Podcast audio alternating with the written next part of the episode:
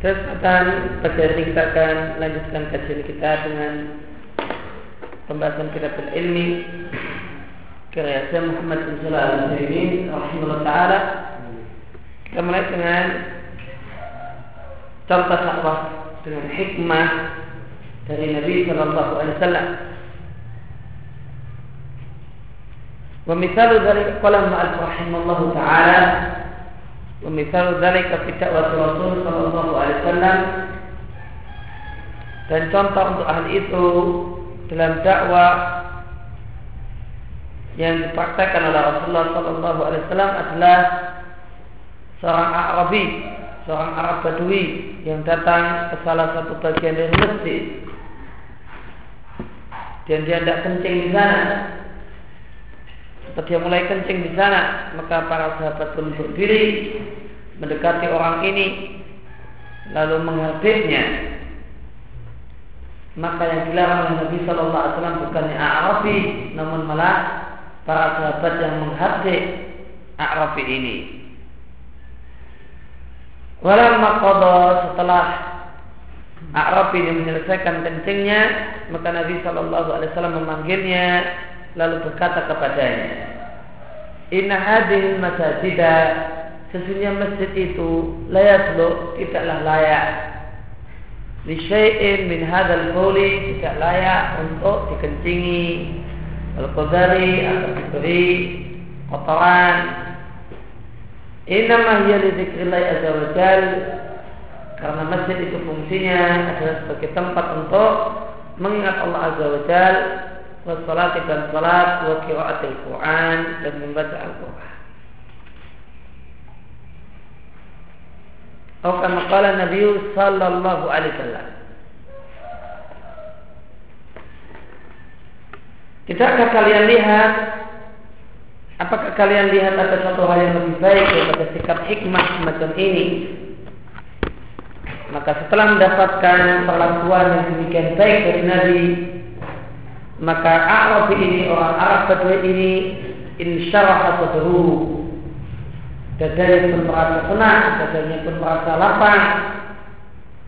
Dan dia pun iktanaan merasa puas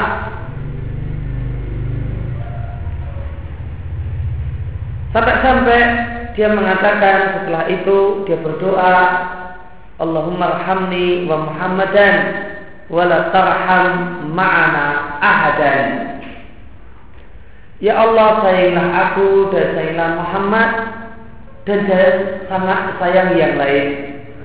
Jangan sayangi yang lain. Karena yang lain bentak-bentak aku. Hanya Nabi Muhammad saja yang tidak bentak-bentak aku. Maka ya Allah sayangilah aku dan sayangilah Muhammad yang lainnya jangan kau sayangi. Wala tarham ahadan. Maka doa ini mengungkapkan menunjukkan betapa dia sangat tersentuh dengan cara dakwah Nabi Shallallahu Alaihi Wasallam, dengan cara nasihat Nabi Shallallahu Alaihi Wasallam.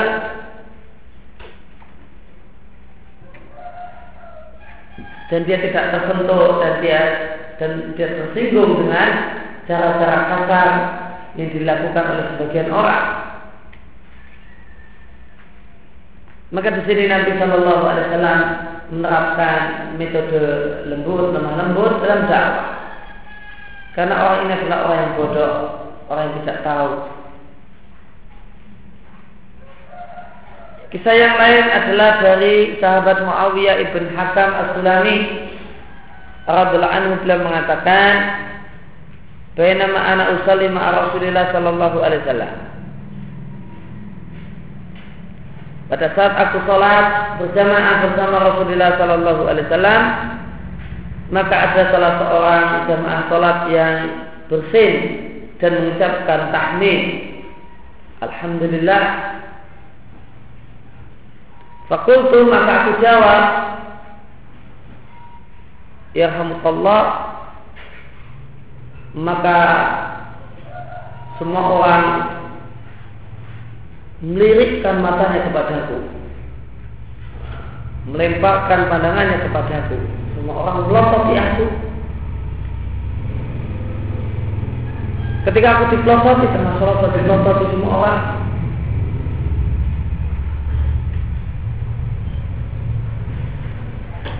maka dia mengatakan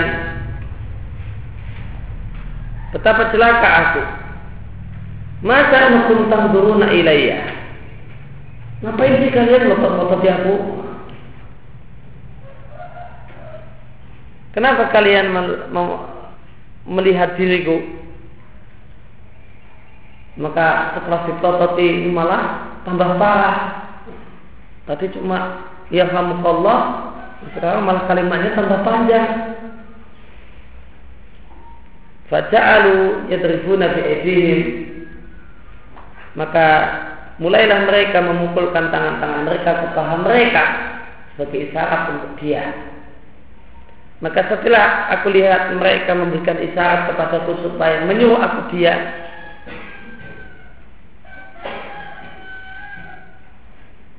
maka aku pun dia. Falamma shalla Rasulullah sallallahu alaihi wasallam maka setelah Rasulullah selesai menyelesaikan salatnya. Fafi abi huwa wa umi maka tebusan untuk beliau adalah ibu dan bapakku. Aku belum pernah melihat mu'alim seorang pengajar setelah beliau yang lebih bagus cara mengajarnya dibandingkan beliau. Wallahi demi Allah maka harani dia tidak membentakku wala darabani tidak memukulku. Wala syatamani tidak pula mencaci maki aku. Nabi cuma mengatakan Inna hadis salata la yaslu fiha syai'un min kalamin nas. Ya sholat itu tidak boleh di sana ada ucapan manusia. Inna wa tasbih. Isi salat adalah tasbih, takbir dan qiraatul Quran oleh Muslim.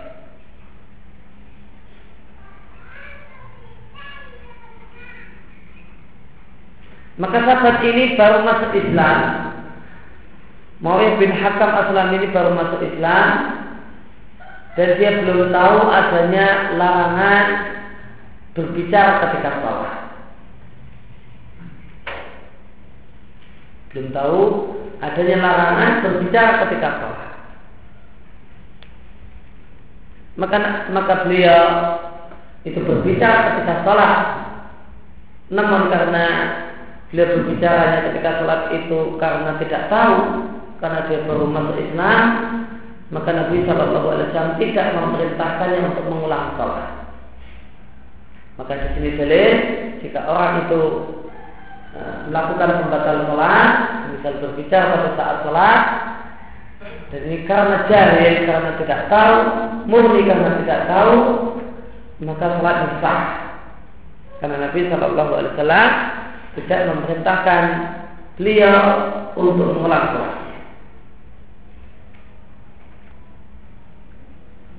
Nah ketika dia pertama kali ikut sholat berjamaah, jadi sudah ngerti baru masuk Islam dan tahu kalau ada orang bersin ada ucap Alhamdulillah maka ada tasmi yaitu ya Allah dah ngerti kalau ini. Non masalah tidak boleh bicara ketika sholat belum paham. Dan ketika bersih dalam sholat maka boleh mengucapkan Alhamdulillah. Dasarkan hadis ini.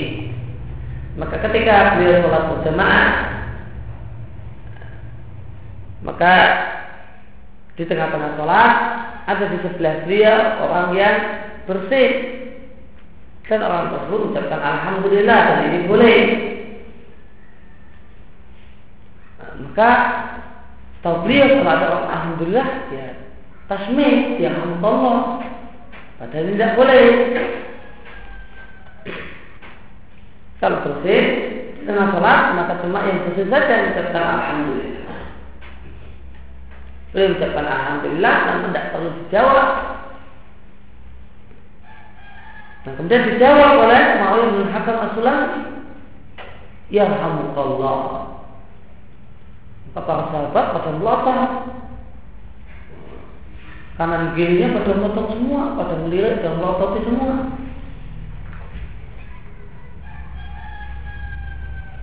Nah, malah tambah parah lagi.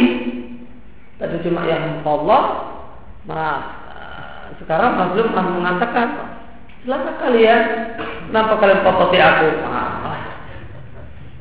Kalau tambah parah yang makanya tambah panjang. Akhirnya para sahabat memukulkan ya, tangannya ke paha maksudnya jelas dia. Nah setelah selesai sholat Bagaimana sikap Nabi terhadap pelanggaran yang dilakukan oleh Muawiyah bin Hakam al-Sulami itu cuma ngasih nasihat yang halus. Tidak layak. Kata-katanya hmm, yang dipakai tidak layak. Nggak layak kalau sholat itu ada di sana ucapan-ucapan manusia. Karena isi sholat itu tasbih takbir dan membaca Al-Quran.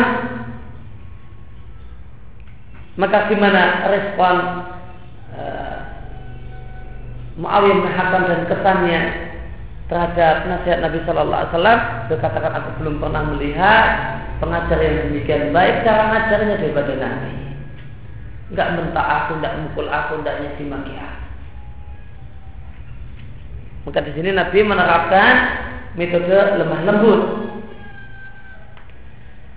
Wamin maka di sini kita jumpai bahasanya berdakwah ilallah dalam dakwah wajib dengan hikmah sebagaimana sebagaimana yang diperintahkan oleh Allah Azza wa Jal.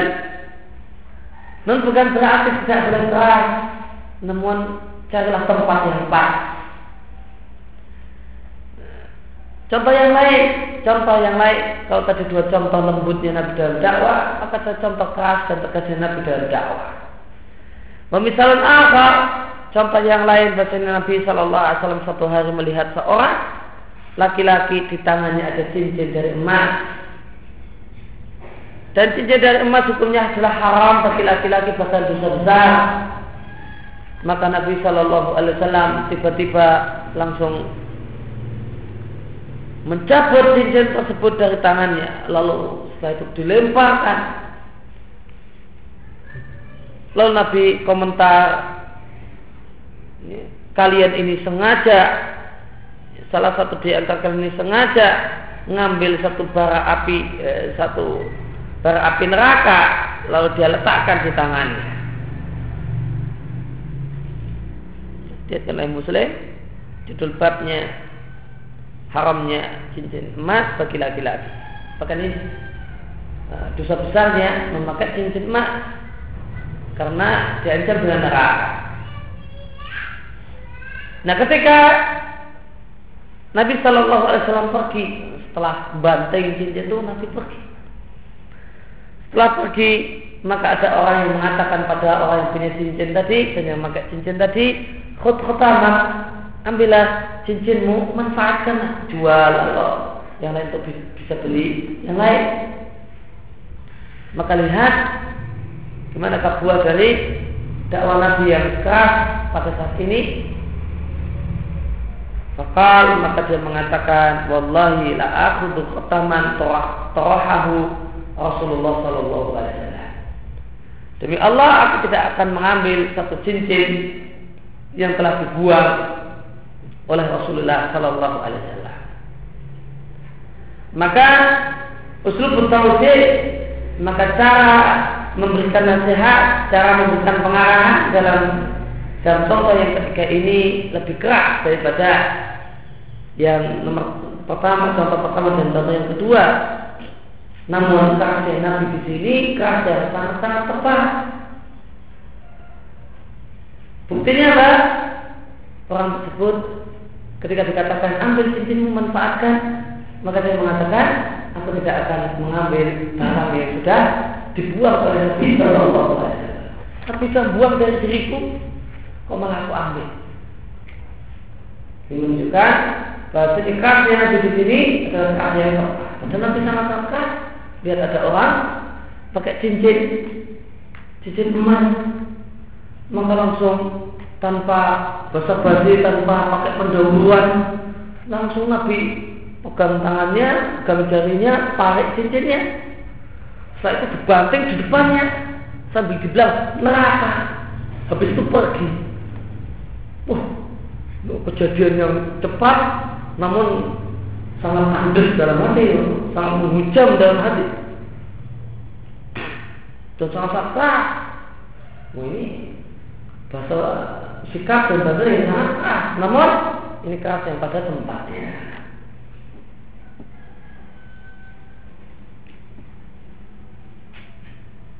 Lihat siapa Nabi, lihat siapa dia. Nah, kalau kita praktekkan sama temannya, teman kita sama ini bisa jadi spontan. Karena apa? Karena Nabi tahu posisi yang pas. Maka kesimpulannya likuli makom makom.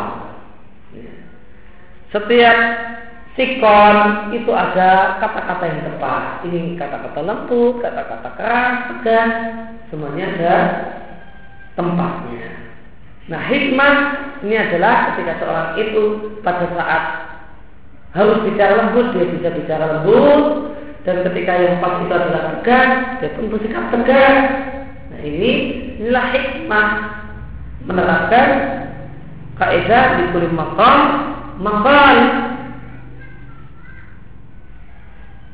Wahakata dan demikianlah sepatut, sepatutnya bagi semua orang yang berdakwah untuk memposisikan segala sesuatu pada posisinya yang tepat. Dan jangan menjadikan manusia ala hadin sawa. Jangan jadikan orang lain itu sama saja bersikap sama A seperti itu, sama B juga seperti itu, sama C seperti itu. Ini tidak benar. Namun yang benar adalah memposisikan orang masing-masing orang sesuai dengan posisinya yang tepat.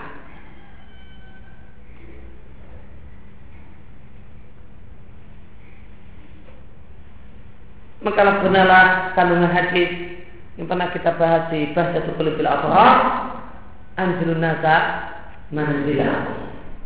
Posisikan orang pada posisi mereka masing-masing. Meskipun hadis ini baik sanatnya, namun maknanya dan kandungannya adalah satu hal yang diterapkan oleh Nabi Shallallahu Alaihi. Dan perbuatan Nabi adalah menerapkan hadis ini sebagaimana dari tiga contoh yang tadi telah kita bahas. Manusia itu ditempatkan pada posisinya masing-masing artinya jangan diperlakukan sama. Orang yang bodoh sebagaimana Arabi sama Muawiyah bin Hakam Aslam yang baru saja masuk Islam maka sikapnya sikap yang lembut. Karena dia orang ini yang tidak tahu menang dan di antara yang mendorong untuk harus bersikap lembut adalah sikap kepada orang yang tidak mengerti dan tidak tahu menang.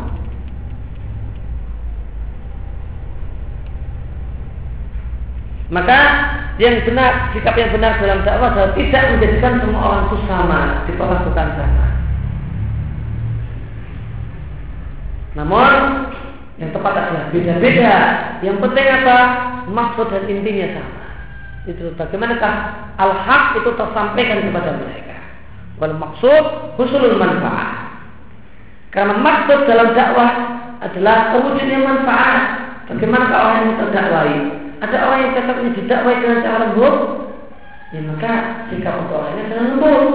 Ada yang cocoknya agak keras sedikit, maka yang pas untuk orang ini agar manfaat yang kita inginkan terwujud adalah agak keras. Maka jangan disikapi orang lain dengan sikap semuanya dengan sikap yang sama.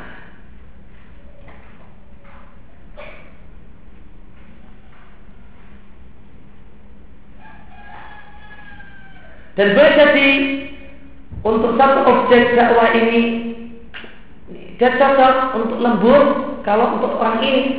Namun untuk orang yang lain cocoknya bersikap agak keras terhadap orang ini. Maka orang yang mau mendakwai orang ini pun juga tidak harus sama bersikap. Tidak harus sama. Boleh jadi yang pas untuk si A menghadapi satu objek dakwah Ya, sikap yang pas untuk si A adalah bersikap lembut sama orang ini.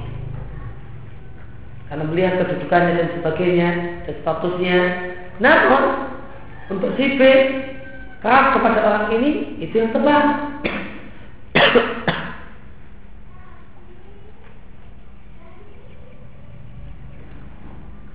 Maka orang yang bermaksud untuk mendakwai untuk orang berdakwah pun tidak harus seragam.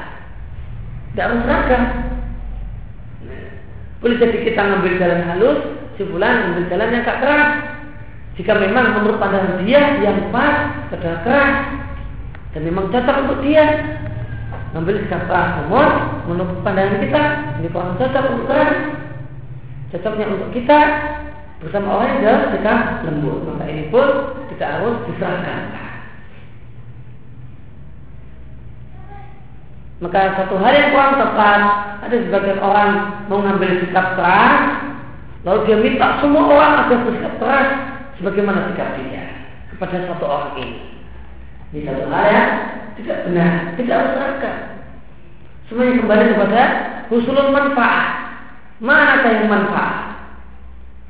Metode seperti apa yang manfaat? Ini yang aham Ini yang paling penting dalam masalah ini.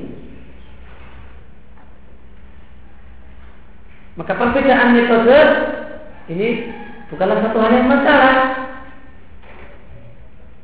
Karena semuanya menginginkan kebaikan orang ini. Cuma ada yang menilai cara yang pas adalah metode ini, ada orang lain yang menilai cara yang pas adalah metode ini. Tidak harus diseragamkan. Bagaimana kita tidak seragam terhadap menyikapi orang, maka juru dakwah pun pendakwah pun juga tidak seragam dalam bersikap.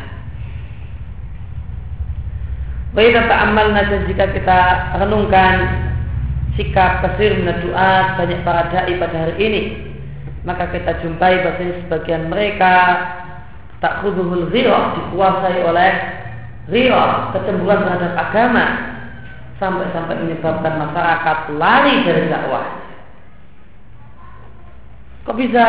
Karena jika didapati ada seorang yang melakukan satu hal yang haram, maka kita jumpai orang ini dia akan sebut-sebut perbuatan haram yang dikerjakan oleh pelaku maksiat ini bikuwah wa bisyiddah dengan bahasa yang kuat dan bahasa yang keras dia temui orang itu sambil mengatakan apa engkau takut enggak takut sama Allah mata Allah kamu ini tidak takut sama Allah dan ucapan-ucapan semacam yang lain langsung dituduh hatinya tidak punya rasa takut pada Allah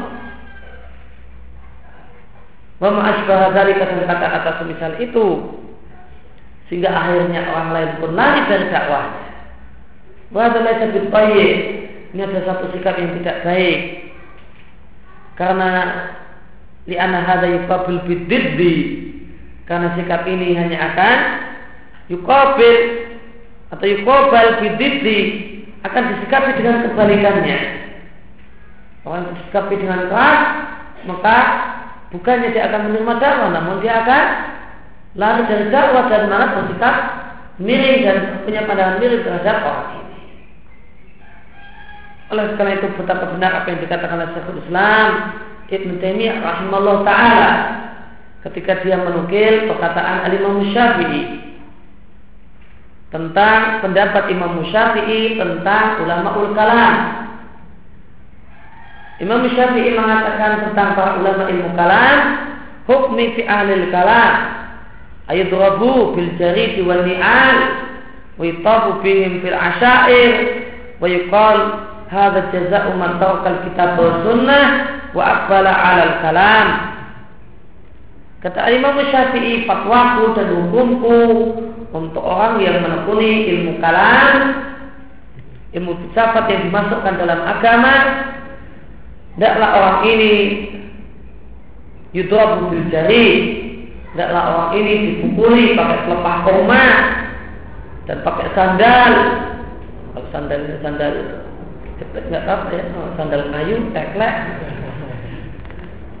Maya. Waitabu bil bil asair kemudian diarak, dikelilingkan ke berbagai kampung sambil diumumkan.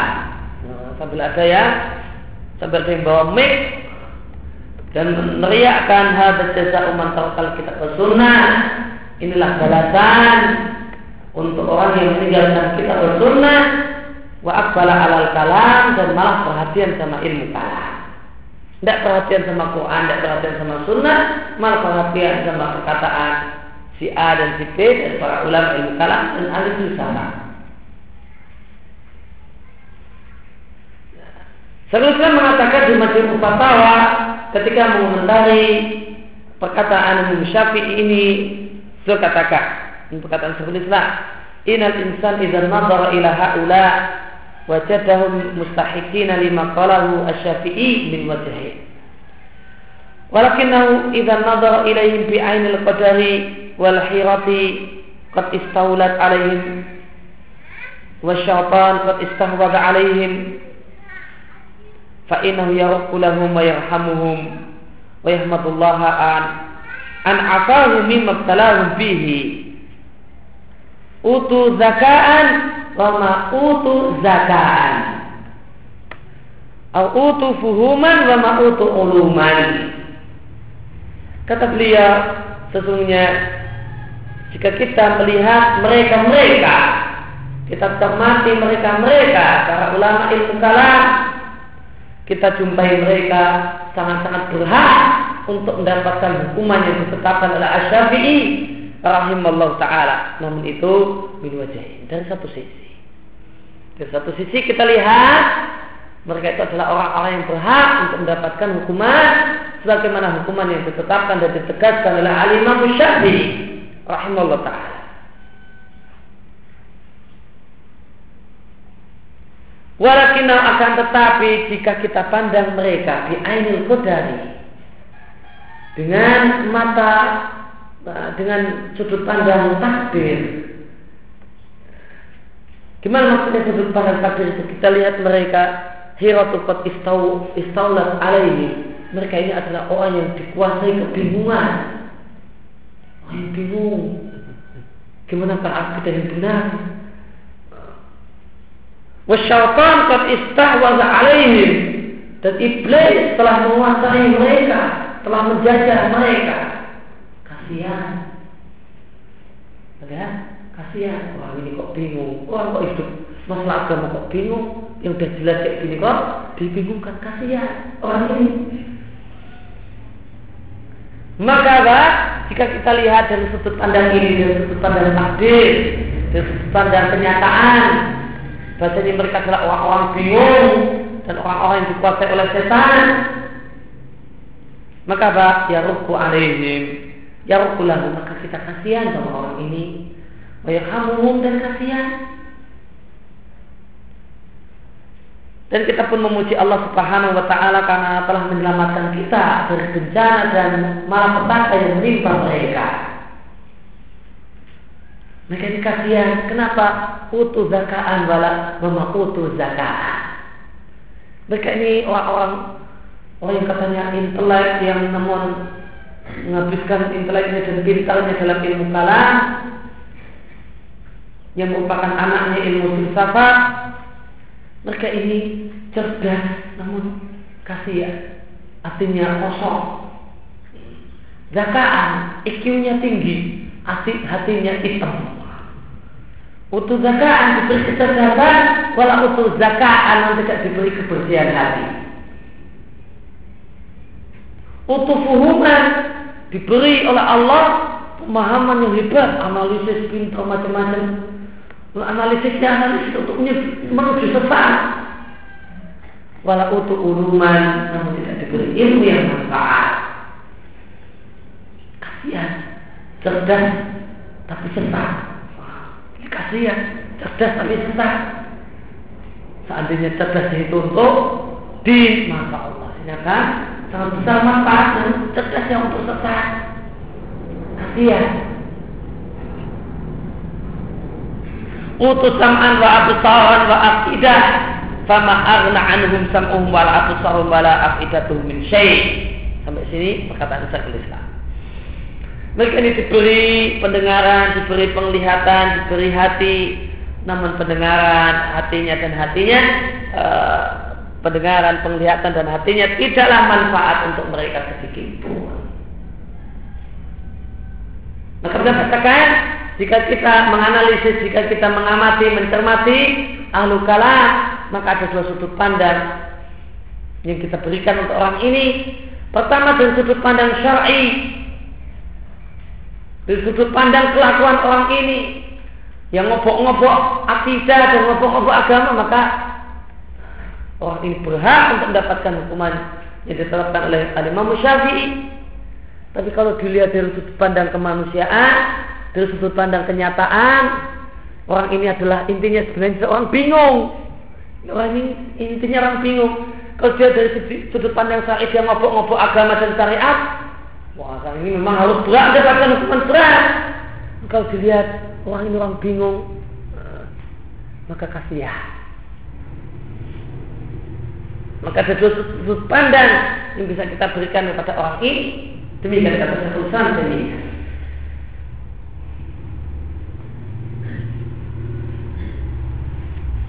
Nah kata Semangat bin Salah Utsaimin rahimahullah taala sudut pandang ini bisa diberlakukan untuk semua ahli maksiat.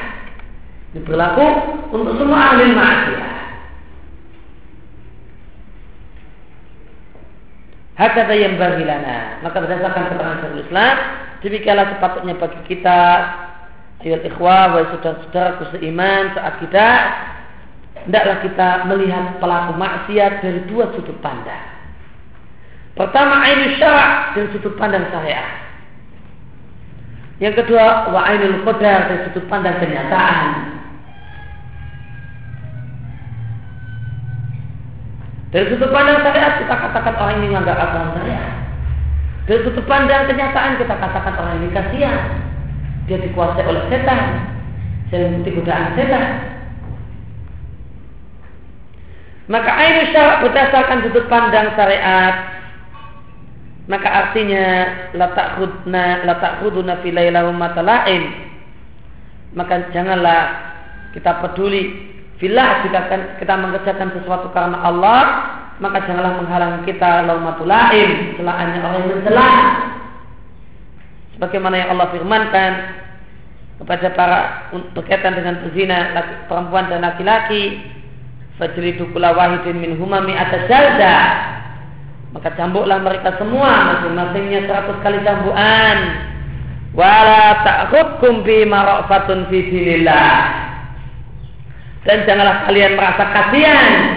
Apa? Janganlah kalian merasa kasihan kepada mereka fi dinillah.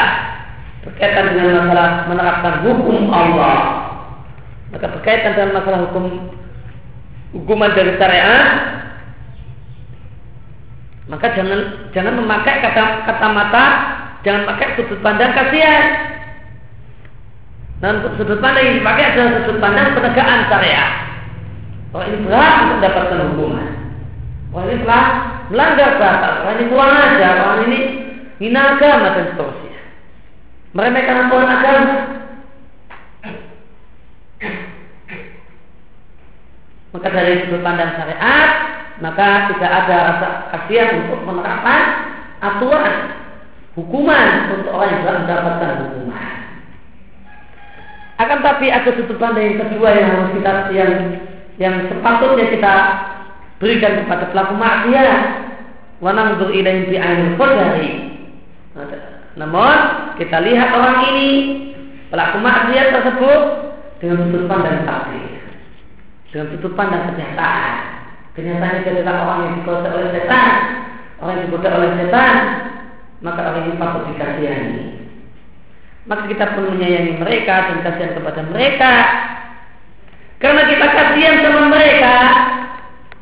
Kita kasihan sama ahli maksiat, jika kita ingin mendakwai mereka, Gimana cara mendakwah, cara berdakwah oleh orang yang kasihan dan ingin menyelamatkan orang. Maka apa? Nu'amilum bima narahu akra ila husulil maksud. Maka kita akan berusaha berinteraksi dengan mereka dengan cara yang kita lihat ada cara yang paling dekat untuk mewujudkan maksud yang kita inginkan.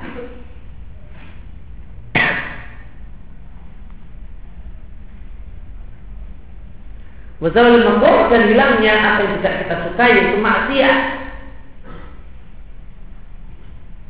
Wahada min asari talibul ilmi. Inilah buah inilah buah dari menuntut ilmu yang dimiliki oleh seorang penuntut ilmu.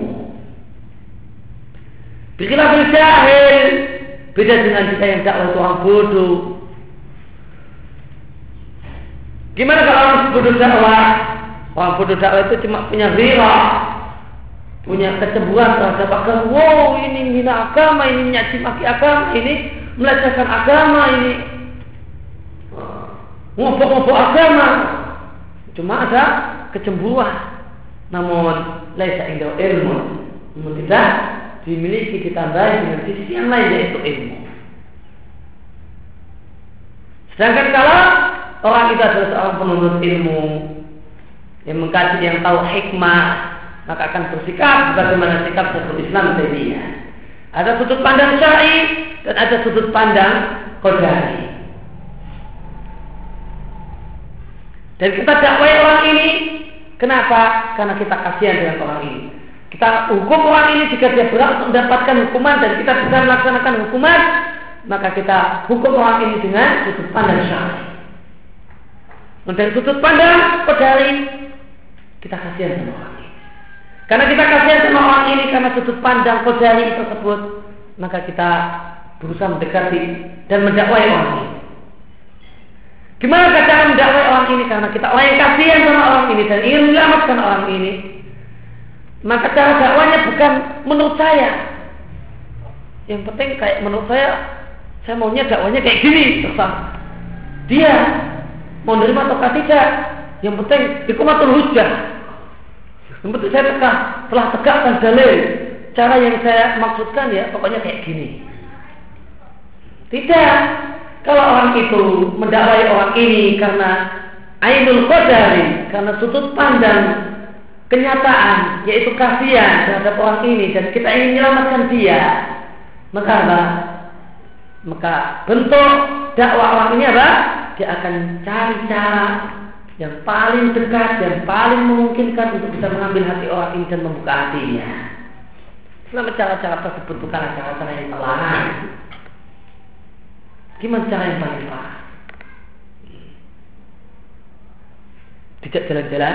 Ya nggak apa-apa tidak jalan-jalan. Habis itu sudah didakwai kalau tiba-tiba langsung oh, didatangi sudah jalan oh mungkin nggak bisa ya tidak ditraktir dulu. Ya nggak apa-apa Nraktir dulu sambil habis itu menjadi nasihat yang penting gimana cara agar hati orang itu bisa terbuka. Maka apa mu'amiluhu bidan narahu akrat ila husulil maksud itu jika cara dakwanya adalah adalah karena uh, kasihan ainul qadar. Dan kalau orang itu cara dakwanya cuma modalnya adalah hira, semang uh, cemburu, karena agama dilanggar, karena aturan Allah dilecehkan, maka wah, maka uh, caranya sudah menurut saya seperti ini terserah dia. Yang penting saya sudah ikomah hujjah. Dasarnya dablek, dasarnya kelas kepala. Padahal yang salah adalah cara kita dalam berdakwah. Nah, kemudian ada penuntut ilmu yang kedelapan. Hendaknya seorang penuntut ilmu itu safiran ada ilmi. Bersabar untuk tetap menuntut ilmu. Artinya musabiran sama saja. Dengan sot atau dengan sak itu sama. Artinya sabar. Musabilan alaih itu bersabar untuk menuntut ilmu dan jangan berhenti. Tentang-tentang nikah kemudian terus berhenti belajar. Nikah itu banyak orang. Namun bukan demikian seorang dia seorang menuntut ilmu. Musabilan alaih waliyat tahu. Ini namanya seorang penuntut ilmu adalah bersabar untuk menuntut ilmu dan tidak berhenti menuntut ilmu. Walayat dan tidak bosan akan tapi mustamiran akan tapi terus menerus dalam belajar Bikadil Mustafa dengan sekadar maksimal yang bisa dilakukan. Nah, kalau mungkin sebelum nikah itu waktunya bisa lebih panjang, kesempatannya lebih luas, setelah nikah bukan berarti berhenti, berhenti menuntut ilmu, cuma caranya lain dan mungkin waktunya uh, gak lain, namun tidak berhenti. Kalau kemudian menghilang, ini ini cara yang salah, jadi kaitan tidak benar. Namun terus menerus dalam belajar, Bikatul Mustafa sesuai dengan kadar kemampuan yang mungkin bisa dikerjakan. Hendaklah bersabar untuk menuntut ilmu dan jangan bosan. Kenapa? Karena seseorang itu jika tawafahu al-malalu jika masuk pada dirinya jika datang pada dirinya al-malal rasa bosan maka istahsa dia akan mudah menganggap capek. Dikit capek sedikit itu saja. Kalau orang itu datang sebosan uh, beraktivitas sedikit saja sudah capek sekali. Padahal baru capek sedikit sudah kalau karena dia bosan jadinya capek sekali. Akhirnya kalau dia tinggalkan akan tapi jika seorang itu musabiran bersabar untuk menuntut ilmu maka dia pertama akan mendapatkan pahala orang-orang yang bersabar min wajhin. Ini yang pertama. Yang kedua, akan ada baginya akibat yang baik. Ini adalah min wajhin apa? Ini adalah aspek yang kedua, yaitu berhasil dalam menuntut ilmu. Ada buah dalam menuntut ilmu. Maka jika seorang menuntut ilmu itu bersabar dalam menuntut ilmu kata beliau ada dua manfaat yang akan dia dapatkan. Yang pertama dia akan mendapatkan pahala orang yang bersabar. Yang kedua ada akibat yang baik dan usahanya yaitu insya Allah dia akan berhasil dalam menuntut ilmu. Orang yang tidak berhasil dalam menuntut ilmu nah itu orang yang panas-panas dari ayah. Semangat awal-awal habis itu dan menghilang. Ini yang tidak akan berhasil menuntut ilmu. Maka dengarkanlah firman Allah Azza wa Jal ketika berbicara kepada nabinya tilka min amba'il ghaibi nuhiha ilaih itulah berita-berita tentang perkara gaib yang kami wahyukan kepadamu. Makun tata'lamuha anta wala qaumuka. Maka engkau tidak mengetahuinya demikian pula kaummu tidak tahu tentang berita-berita ini. Mingkau pilih sebelum turunnya Al-Quran ini innal aqibata lil muttaqin sesungguhnya hasil yang baik itu akan didapatkan oleh orang-orang yang bertakwa. Maka karena sebab Al-Quran, karena sebab belajar Al-Quran, maka akan dapat ilmu yang sebelumnya tidak diketahui. Fasbih maka bersabarlah. Maka dengan bersabar maka akan ada hasil yang baik. Kemudian uh, ada penuntut ilmu yang kesembilan adalah ihtiramul ulama wa takdiruhum dalam menghormati para ulama, menghormati orang-orang yang berilmu dan menghargai mereka. Takdiruhum, menghargai mereka.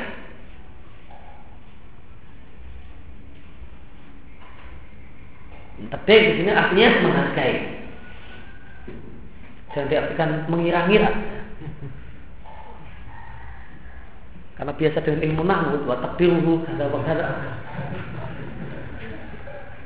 Wa takdiruhu di artinya menghargai mereka. Maka alat talabatul ilm kewajiban para penuntut ilmu untuk menghormati para ulama, menghormati orang-orang yang berilmu dan menghargai mereka. Dan dalam lapang dada mereka lima yahsul min ikhtilaf lapang dada terhadap perselisihan yang terjadi benar ulama di antara para ulama dan selain mereka. Dan adalah para penuntut ilmu menyikapi perbedaan pendapat ini bil dengan mencari alasan untuk para ulama tersebut. Biktidar dengan mencarikan alasan untuk para ulama yang menempuh jalan yang keliru dalam masalah ikhtikar Misalnya adalah ulama yang keliru dalam masalah asma wa sifat atau dalam masalah yang lain, maka kita katakan kita carikan alasan untuk beliau. Oh beliau ini keliru dalam masalah ini karena istihad beliau. Beliau adalah seorang pencari kebenaran dan beliau tidak mendapatkan kebenaran dalam masalah ini maka semoga Allah memaafkan kita semua. Yang dimaksud maka adalah kita iktidar terhadap kesalahan para ulama. Bahwa ini adalah nukta muhimma ini adalah poin yang penting sekali. Karena sebagian orang punya sifat yang tetap aksaul akhirin. Ya, suka mencari-cari kesalahan orang lain. Yang, yang kata Syekhul Islam Taimiyah, orang yang hobinya cari-cari kesalahan orang lain, itu kata Syekhul Islam di sunnah itu katakan orang ini adalah sebagian orang kata Syekhul Islam ada orang yang kayak lalat yang tidak hinggap kecuali yang kotor. Yang hinggap kecuali yang kotor. Senang kalau ketemu yang kotor-kotor. Senang kalau lihat salahnya orang. Hobi kalau cari-cari kesalahan orang. Itu kata Syekhul Islam ini orang mental mentalnya lalat yang dicari yang kotor. Di mana tempat kotor? Dia di situ ada. Di mana ada orang itu salah, wah di situ ahlinya.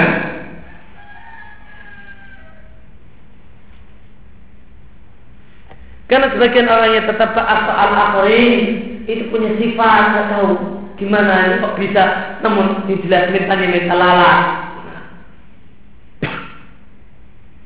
yang suka-sukanya hobinya pikirannya itu cuma cari-cari kesalahan orang. Kemudian apa? Dia takut minha, kemudian dia jadikan dari kesalahan orang tersebut salah ikan fihatihim. Sikap-sikap yang tidak layak untuk orang-orang yang salah ini. Kemudian apa? Yushawid ala nas. Kemudian dia sebar-sebarkan, eh, kemudian dia jelekkan, yusawis artinya mengganggu. Ala nasi di tengah-tengah manusia, sum'atahum reputasi orang-orang yang salah ini. Maka dijatuhkan reputasi orang yang salah ini di tengah-tengah masyarakat. Dan dia sebar-sebarkan berita buruk tentang orang lain. Wah min akbaril akhta maka ini adalah kesalahan yang sangat sangat besar. Maka jika menggunjing orang awam saja, itu hukumnya adalah kabair dulu dosa besar. Maka menggunjing orang yang berilmu, menggunjing seorang dai adalah seorang ulama, seorang dai yang terkenal sebagai dai ahli sunnah, dan dia hanya mendapatkan sunnah, atau apalagi ulama ahli sunnah maka akbar akbar maka dosa jadi lebih besar lagi kenapa? Dosa jadi lebih besar karena melihat bahayanya. Karena jika yang dia gunjing adalah orang yang berilmu dan dari al sunnah atau ulama al sunnah maka apa? Maka ada dua bahaya. Li'anal ikhtiyab al-alim. Karena menggunjing menghibah seorang alim maka bahayanya layak tasir tidak terbatas pada si alim tersebut bahkan bahayanya adalah alaihi pertama untuk si alim. Dan yang kedua adalah alama yahmiluhu minal ilmi syar'i ilmu syar'i yang dia bawa. Karena manusia jika mereka telah zuhud Fil alim dapat dari seorang alim Dia benci terhadap seorang alim Atau orang alim ini jatuh kehormatannya di hadapan mereka Maka yang jatuh bukan hanya orangnya Takut kalimat wahidwan Maka pengajiannya juga jatuh. Maka kata-katanya nasihat-nasihatnya juga Tidak lagi bernilai.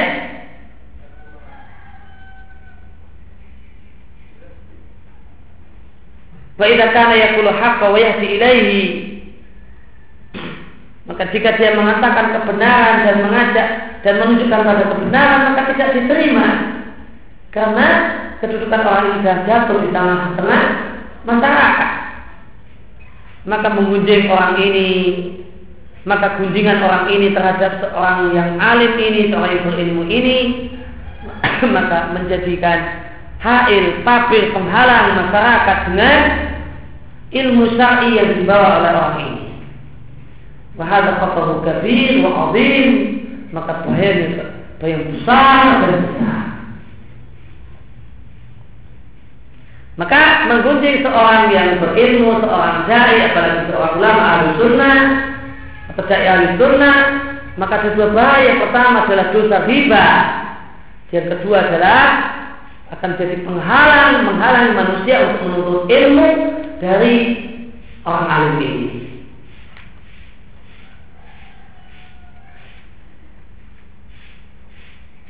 Oleh karena itu maka kami katakan kewajiban mereka para sahabat, para pemuda untuk memahami apa yang terjadi ikhtilaf yang terjadi di antara para ulama tidaklah dipahami ala husniyah bahasanya masing-masing ulama ini niatnya baik wala istihad dan masing-masingnya beristihad. Wa yu'adziruhum dan dalam mencarikan alasan dalam perkara yang mereka itu, mereka itu keliru di dalamnya. Ulama dan tidaklah terlarang seandainya mereka para pemuda ini berbicara dengan para ulama, berbicara dengan para dai dalam perkara yang menurut para pemuda itu mereka anggap para ulama ini keliru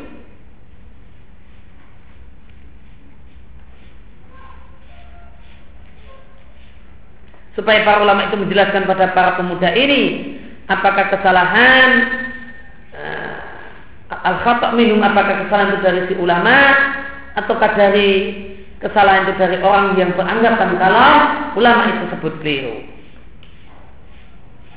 Lihat insan karena manusia ahyanan terkadang ya tasawur dia punya persepsi. Bahasa perkataan seorang alim itu adalah keliru.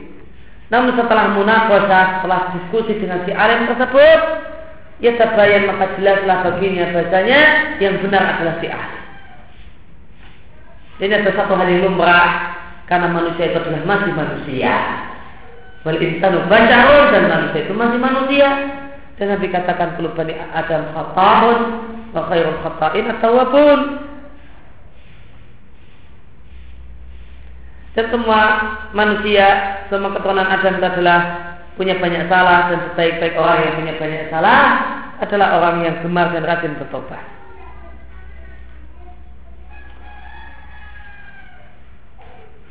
Itu disebutkan Imam Ahmad, Tirmidzi, Ibnu Majah dan yang lainnya. Dikatakan Al-Hakim, artinya Sahihul Isnad, kata Al-Ajuli, Al-Ajaluni, sanadnya kuat. Adapun jika seorang itu yafrah, gembira dengan tergelincirnya seorang alim dan seorang dai ahli sunnah dan kesalahannya lalu disebar-sebarkan di tengah-tengah banyak orang sehingga terjadilah pokok perpecahan. Fa inna hadza laisa min salam maka bukan demikianlah jalan salah dalam beragama dan dalam bersikap dalam masalah semisal ini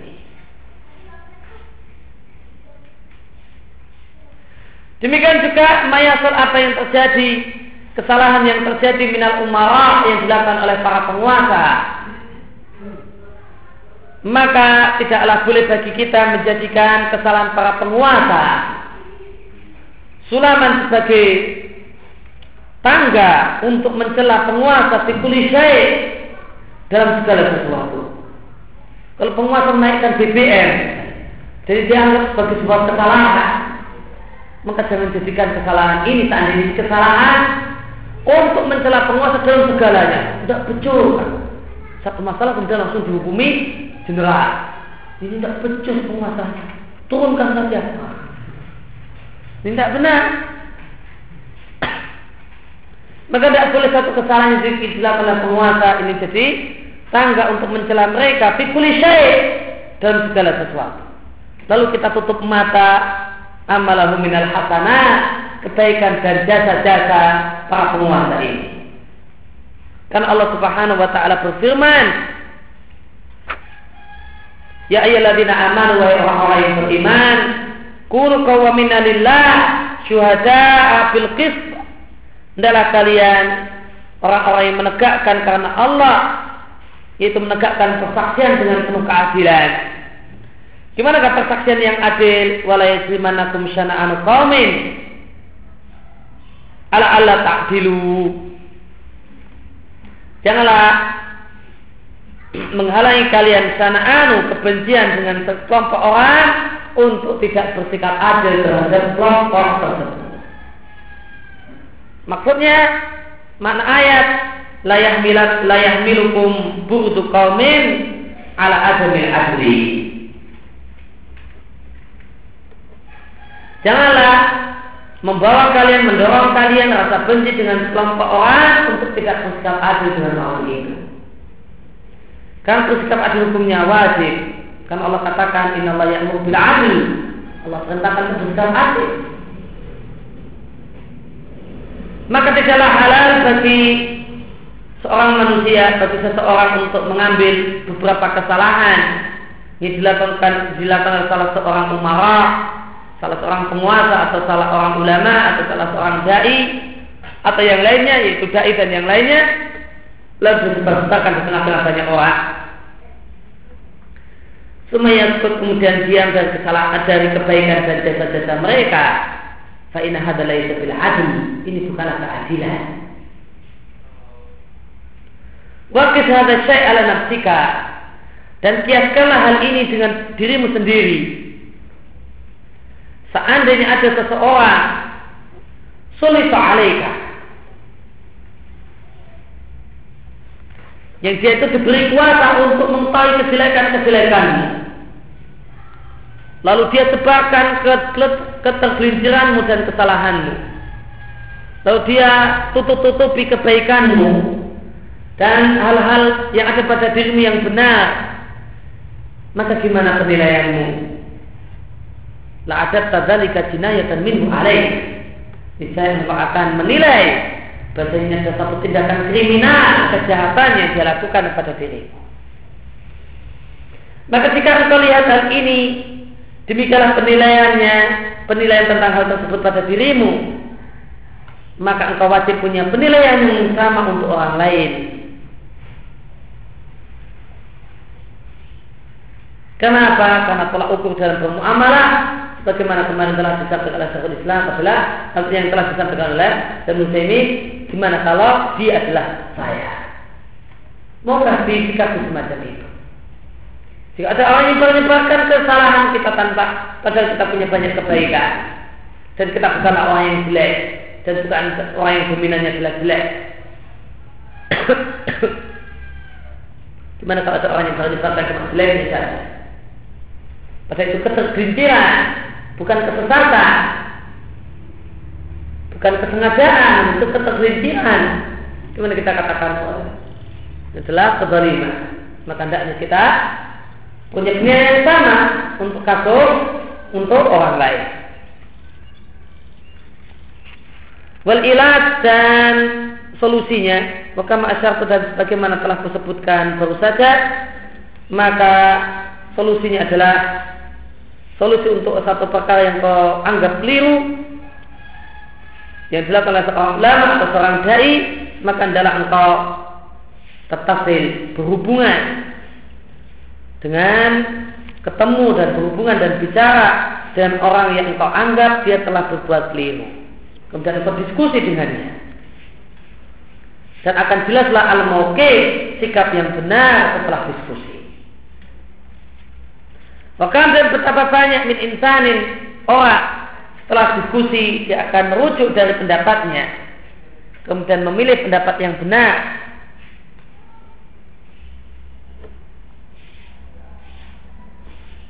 Maka setelah kita diskusi boleh jadi jika dai ini keliru. Maka dia jika diskusinya baik dengan sikap sopan dan penuh penghormatan maka dia akan merujuk dari pendapat yang keliru. Namun Demikian juga di sisi yang lain betapa banyak orang setelah diskusi maka dia lihat bahasanya pendapat dia, pendapat orang yang kita ajak diskusi tersebut itulah yang benar, sedangkan juga kita lah yang keliru. Maka hendaklah kita berhubungan dengan orang tersebut dan diskusi dan ini adalah bentuk persaudaraan. Fal mu'minul mu'min kal bunyan yasudu ba'du ba'dha maka adalah min hukukil ukhuwah. Antara hak persaudaraan sesama muslim. Ketika kita lihat ada orang keliru, maka kita jumpai dan kita sebar-sebarkan. Dan kita jumpai orang tersebut, kemudian kita diskusi dengan dia. Boleh jadi sangkan kita yang keliru atau dia memang benar-benar keliru. Maka seorang mukmin dengan orang mukmin yang lain bagaikan bangunan, sebagian yang mengatas, sebagian yang lain. Dan Nabi Shallallahu Alaihi Wasallam mengatakan sebagaimana hadisnya telah kita baca dalam pertemuan yang lewat, man ahabba an jannah. Siapa yang ingin uh, diselamatkan ditarik dari neraka dan dimasukkan ke dalam surga, maka hendaklah kematian datang menjemputnya dalam keadaan dia beriman pada Allah dan hari akhir dan hendaklah dia bersikap waliyati ilan nas mayuhibbu ayyuta ilaih hendaklah dia bersikap kepada orang lain dengan sikap-sikap yang dia inginkan untuk dirinya sendiri. Hada wal adil inilah keadilan dan inilah istiqomah ini sikap yang lurus dan benar.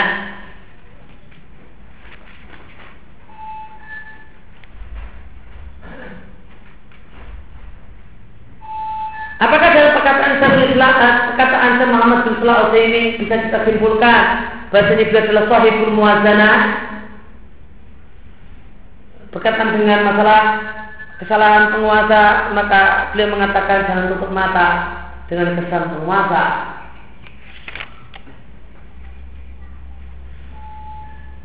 Dan dengan kesalahan penguasa dan Umar beliau katakan tidak halal bagi seorang untuk mengambil ya, keterbintilan salah seorang ulama atau umara atau yang lainnya lalu disebarkan dan diam dan kebaikan jasa orang tersebut dan katakan hadal laisa bil adil. Ini bukan adil. Maka jawabannya muazana dalam masalah semacam ini menimbang kebaikan dan keburukan dalam masalah ini adalah pada tempatnya. Adalah memang pada tempatnya. Muazana yaitu menyebutkan kebaikan dan keburukan yang tidak pada tempatnya adalah ketika kita berbicara membicarakan membicarakan orang yang sesat dan tokoh kesesatan dan padahal tujuan kita adalah mengingatkan orang dari bahaya orang sesat ini. Nah, muazana di situ yang keliru. Ada pun muazana dengan terhadap ketergelinciran ulama dan ahlu sunnah maka itu adalah muazana yang pada tempatnya. Muazana berkaitan dengan masalah kesalahan penguasa ini muazana pada tempatnya.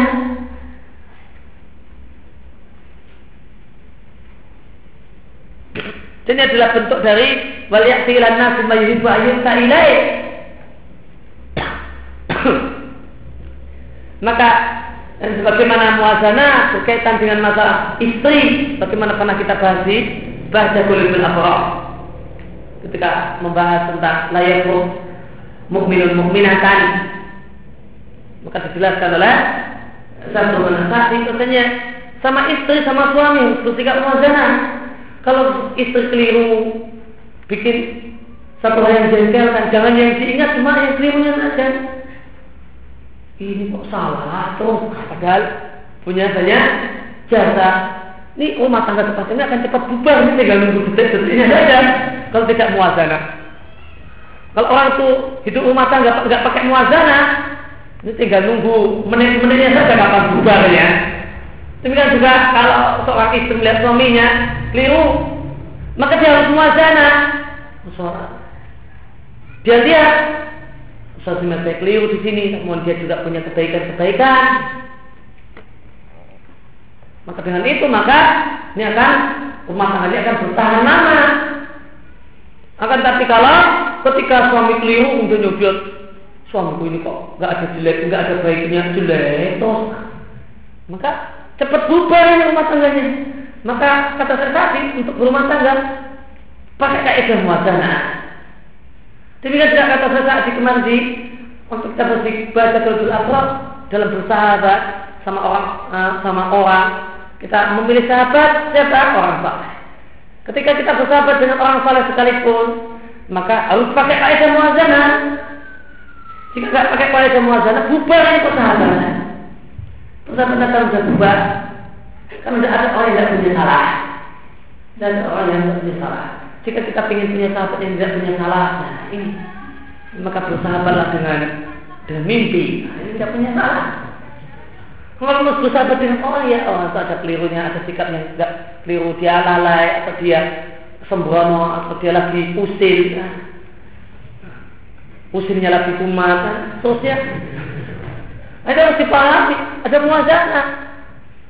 Nah, yang tidak boleh itu muazana untuk tokoh sesat dan kita dalam rangka sedang uh, sedang dalam rangka mengingatkan orang bahayanya. Ini yang bukan muazana. Tapi muazana dalam masalah-masalah yang lain semacam suami istri, masalah persahabatan, masalah umara, masalah kemudian ulama ahlu sunnah yang keliru, dai ahlu sunnah yang keliru. Maka muazana di sini adalah pada benarnya dan inilah yang dimaksudkan oleh Muhammad bin Salah al-Utsaimin rahimahullah yang kita kaji. Sallallahu ala nabiyina wasallam.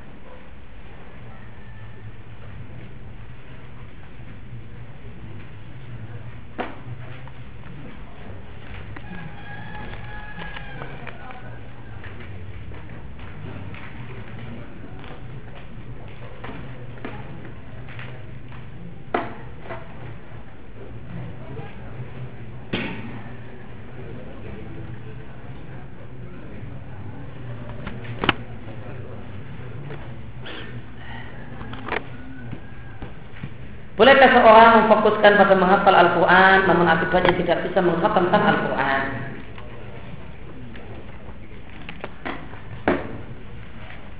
Selayaknya tidak mempertentangkan dua hal yang tidak bertentangan. Ini kaidah yang patut diperhatikan.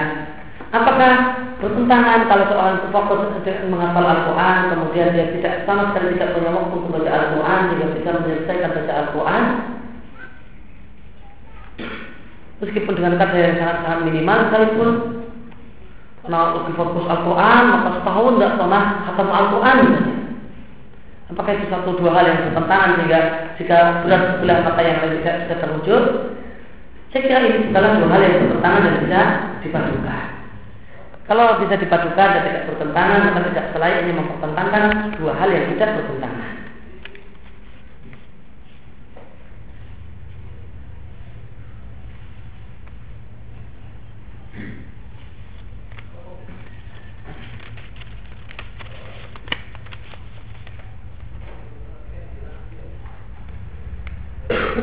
Kapan kita sholat subuh saat naik kereta dari Jakarta jam 8 malam dan sampai Jogja jam 6 pagi. Pada asalnya tidak boleh sholat fardu di atas kendaraan karena sholat fardu harus menghadap kiblat ketika ada rumpah untuk tidak menghadap kiblat dalam sholat fardu. Namun dibolehkan sholat di atas kendaraan, sholat fardu di atas kendaraan dalam kondisi darurat semacam kondisi perang. Nanti Allah Subhanahu wa taala katakan al-khiftum farijalan aubana jika kalian dalam kondisi perang maka silakan sholat sambil berkendaraan menghadap ke arah saja atau sambil jalan kaki. Maka jika dalam kondisi darurat dibolehkan. Dan termasuk dalam kondisi darurat adalah ketika seorang naik kereta atau bis dan kendaraannya tidak mungkin dihentikan karena dia bukanlah yang nyopir maka ini dan dia bisa sholat. Sebisa yang dia kerjakan dan berlakulah uh, kaidah Fattakullah mustata'tum Bertakwalah kepada Allah Maksimal kemampuan kalian. Dan tidak boleh menunda Salat subuh sehingga keluar waktunya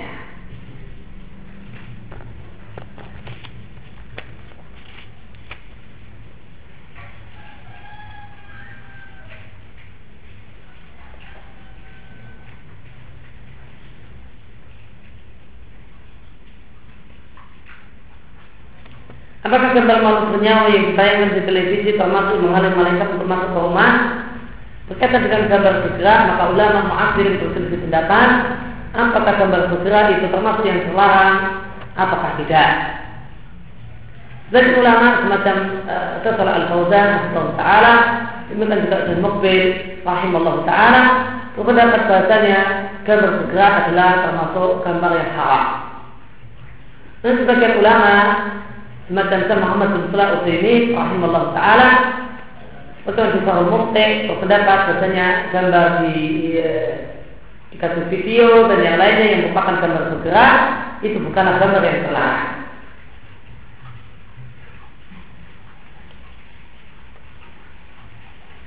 Dan nampaknya uh, hujah ulama yang mengatakan bukan gambar yang terlarang itulah yang lebih tepat. Wallahu taala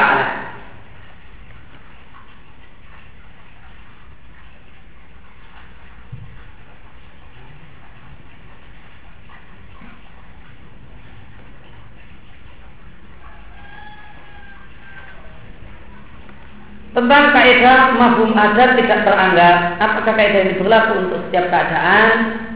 Dan ada pada keadaan tertentu.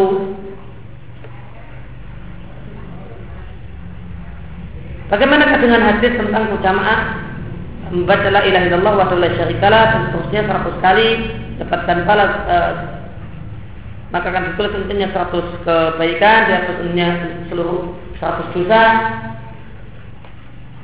maka kaidah ini berlaku untuk semua keadaan. Jika kita kita jumpai beberapa hadis yang nampak tidak sejalan. Ada hadis yang mengatakan keutamaan salat berjamaah ada 25 kali lipat. ada yang mengatakan 27. Maka bagaimana sikap yang benar? Maka di sinilah berlakunya kaidah. Maka tidak perlu dipertentangkan. Kenapa? Karena 25 itu bagian dari 27. Kalau mau ke 27, 25 dulu. Maka ketika kemudian Nabi menyebutkan satu amal dosa besar, disebutkan tujuh. Di tempat yang lain Nabi katakan dosa besar tiga. Di tempat yang lain Nabi katakan dosa besar sekian. Maka apakah ini bertentangan? Jawabannya tidak. Inilah berlakunya faedah mafhum adat, mafhum adat, mafhum bilang itu tidak teranggap.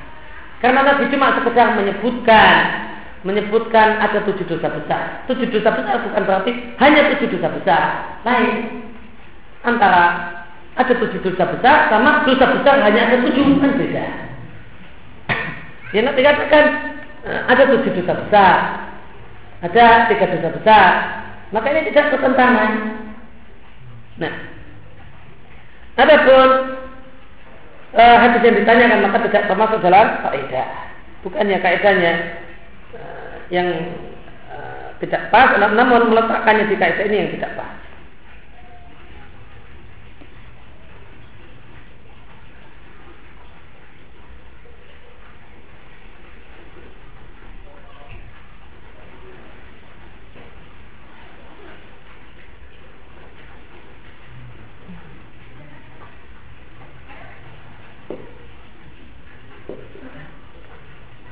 Jika sepupu saya perempuan datang ke Jogja lalu bagaimana sikap yang perlu bagi saya agar silaturahmi tetap terjaga dan tidak melanggar syariat?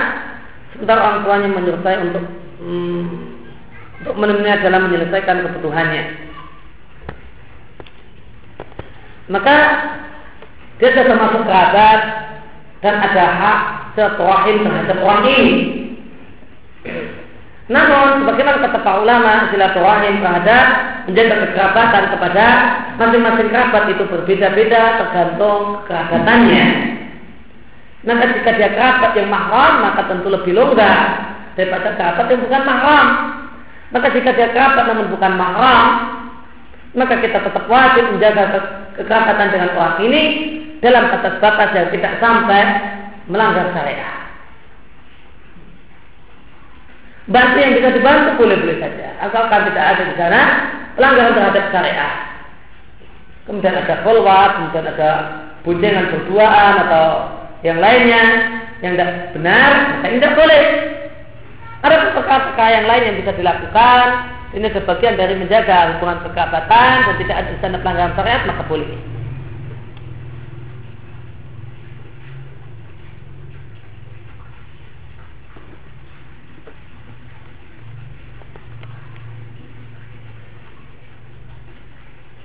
Ada kalimat man arada ayat lama malahu indallah falyanzur malillahi indahu. Apa maksudnya apa, dan apakah ini sahih? Maknanya siapa yang ingin tahu bagaimana kedudukan dia di sisi Allah, maka lihatlah kedudukan Allah dalam hatinya. Maka lihatlah dia caranya kalau ingin tahu lihatlah kedudukan Allah dalam hatinya. Berapakah besar penghormatan dia terhadap Allah, pengakuan dia terhadap aturan-aturan Allah dan seterusnya. Jika dia ada seorang yang mengagungkan Allah, seorang yang ini, maka mudah-mudahan kedudukannya di sisi Allah adalah kedudukan yang agung.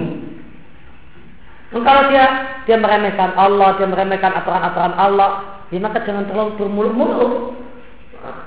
Beranggapan bahasanya kedudukan di sisi Allah adalah kedudukan yang baik. Itu maksud e, kalimat ini, namun tentang dan maksudnya adalah kurang lebih benar, sedangkan tentang satu hadisnya Allah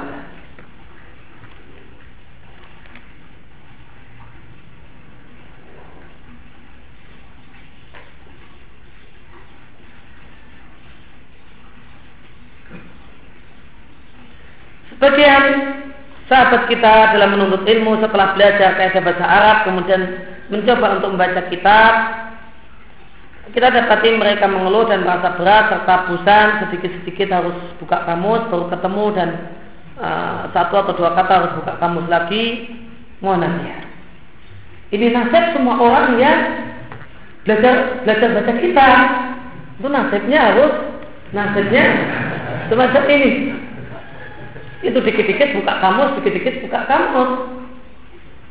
Untuk nasib semua orang yang harus dilewati.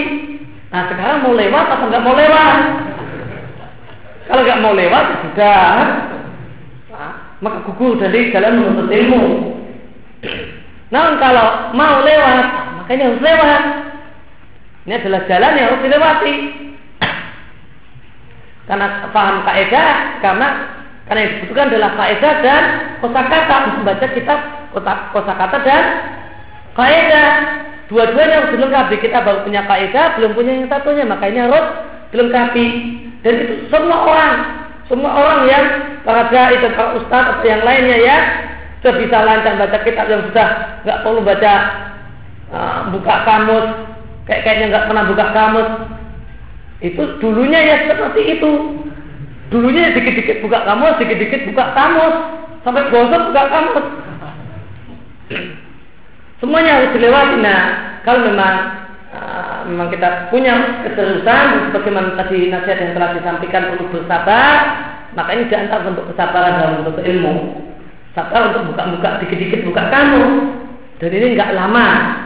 Kalau kalau orang itu intens dikit-dikit buka kamus, nggak lama. Kalau cuma sekarang sehari ini dikit-dikit buka kamus, tapi itu libur seminggu ya, jadi ini lama.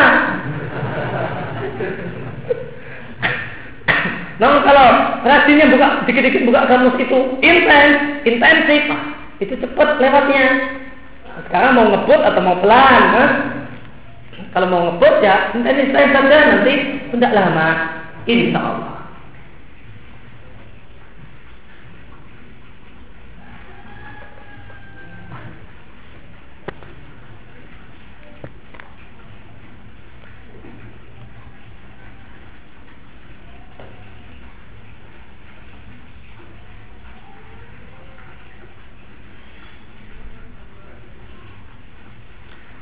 Maksud yang dimaksud sanad jayid? Sanad jayid, satu sanad dikatakan sanad jayid, biasanya ketika seorang ulama pakar hadis itu bimbang mau menilai status satu sanad.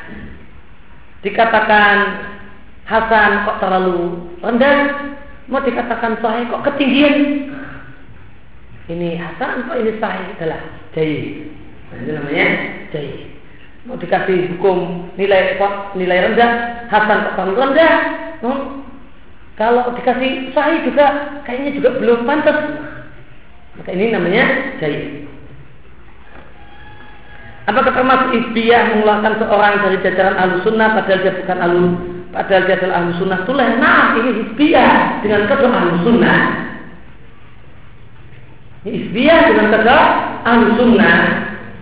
Karena ingat karena satu nama yang baik itu bisa jadi buruk. Nama sunnah itu jadi nama bid'ah itu ketika diletakkan di dalam tempatnya. Maka al sunnah itu bukan lagi al sunnah, namun dia jadi nama yang buruk, jadi uh, isinya adalah buruk ketika ini diletakkan tidak pada tempatnya. Darinya sebagaimana muhajir dan ansar dan nama yang mulia Namun satu ketika para sahabat ada sahabat yang ribut, akhirnya satu yang muhajirin minta tolong sama muhajirin, yang ansar minta tolong sama ansar. Yang muhajirin mengatakan, ya Allah ansar, ayo ansar ke sini bela saya. Yang muhajirin mengatakan, ya Allah muhajirin, ayo muhajirin ke sini bela saya. Hanya mereka kemudian berkumpul dan berhadapan-hadapan dan dan sebentar lagi kemudian uh, bentuk fisik namun hal ini belum sempat terjadi sampai datanglah Nabi Sallallahu Alaihi Wasallam. Maka apa seruan orang ini yang antum kata jalan ansar nyebut nama ansar. Muhajirin jalan muhajirin. Itu disebut nama muhajirin. Dan dia adalah nama yang mulia dengan nas Quran sunnah namun karena dijadikan nama ini sebagai bahan untuk memecah belah dan bahan untuk fanatisme golongan, kelompok. Maka apa kata Nabi? Ada wajah jahiliyah wa anak baina adhurikum. Apakah ada seruan jahiliyah padahal aku masih hidup di tengah-tengah kalian? Da'uha fa innaha muntina. Tinggalkan seruan jahiliyah ini. Ya, Nabi katakan. Ya dan muhajirin wa ya al-ansar Nabi katakan seruan jahiliyah. Panggilan dengan nama muhajir dan panggilan dengan nama ansar Nabi katakan suan jahiliyah dan dikatakan pak inamun tidak ini adalah busuk. Dikatakan busuk. Padahal muhajirin istilah muhajirin dan ansar tapi katakan suran jahiliyah dan Nabi katakan suran yang busuk coba. Maka bikin bagian lagi dengan dengan nama-nama yang lainnya. Maka demikian juga nama al-sunnah itu tidak jauh beda dengan nama muhajir dan ansar maka ketika nama ini dijadikan sebagai uh, bahan bahan untuk memecah belah. Dan dijadikan sebagai seakan-akan milik seseorang tertentu. Sehingga yang jika tidak bersama saya maka dia bukan alusunnah karena ciri alusunnah adalah orang yang bersama saya. Itu ciri alusunnah maka dia mengubah definisi alusunnah Al-Sunnah adalah semua orang yang komitmen dengan Quran dan Sunnah. Dan amalnya pun menampakkan hal tersebut, membuktikan hal tersebut. Definisi Al-Sunnah maka sama orang ini definisi Al-Sunnah diganti. Al-Sunnah adalah orang-orang yang bersama-sama bersama kami. Maka siapa bersama kami Al-Sunnah, orang yang di luar kami maka bukan Al-Sunnah. Maka ini mengubah definisi Al-Sunnah. Dan ini Al-Sunnah diletakkan sudah tidak lagi pada nama pada tempatnya dan alusunnah telah dijadikan sebagai hizbiyah.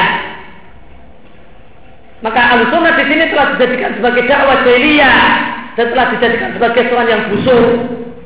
Bagaimana ketika nama muhajir dan ansar dijadikan sebagai seruan jahiliyah maka Nabi katakan ditempatkan pada tempatnya maka Nabi katakan ini adalah seruan jahiliyah ini adalah seruan yang busuk maka nama al-sunnah maka nama yang syar'i jika ditempatkan tidak pada tempatnya maka dia bisa jadi nama hizbiyah sebagaimana dikatakan oleh Syekhul Islam Taimiyah di Iqtida' Shiratal Mustaqim. Wassallallahu wa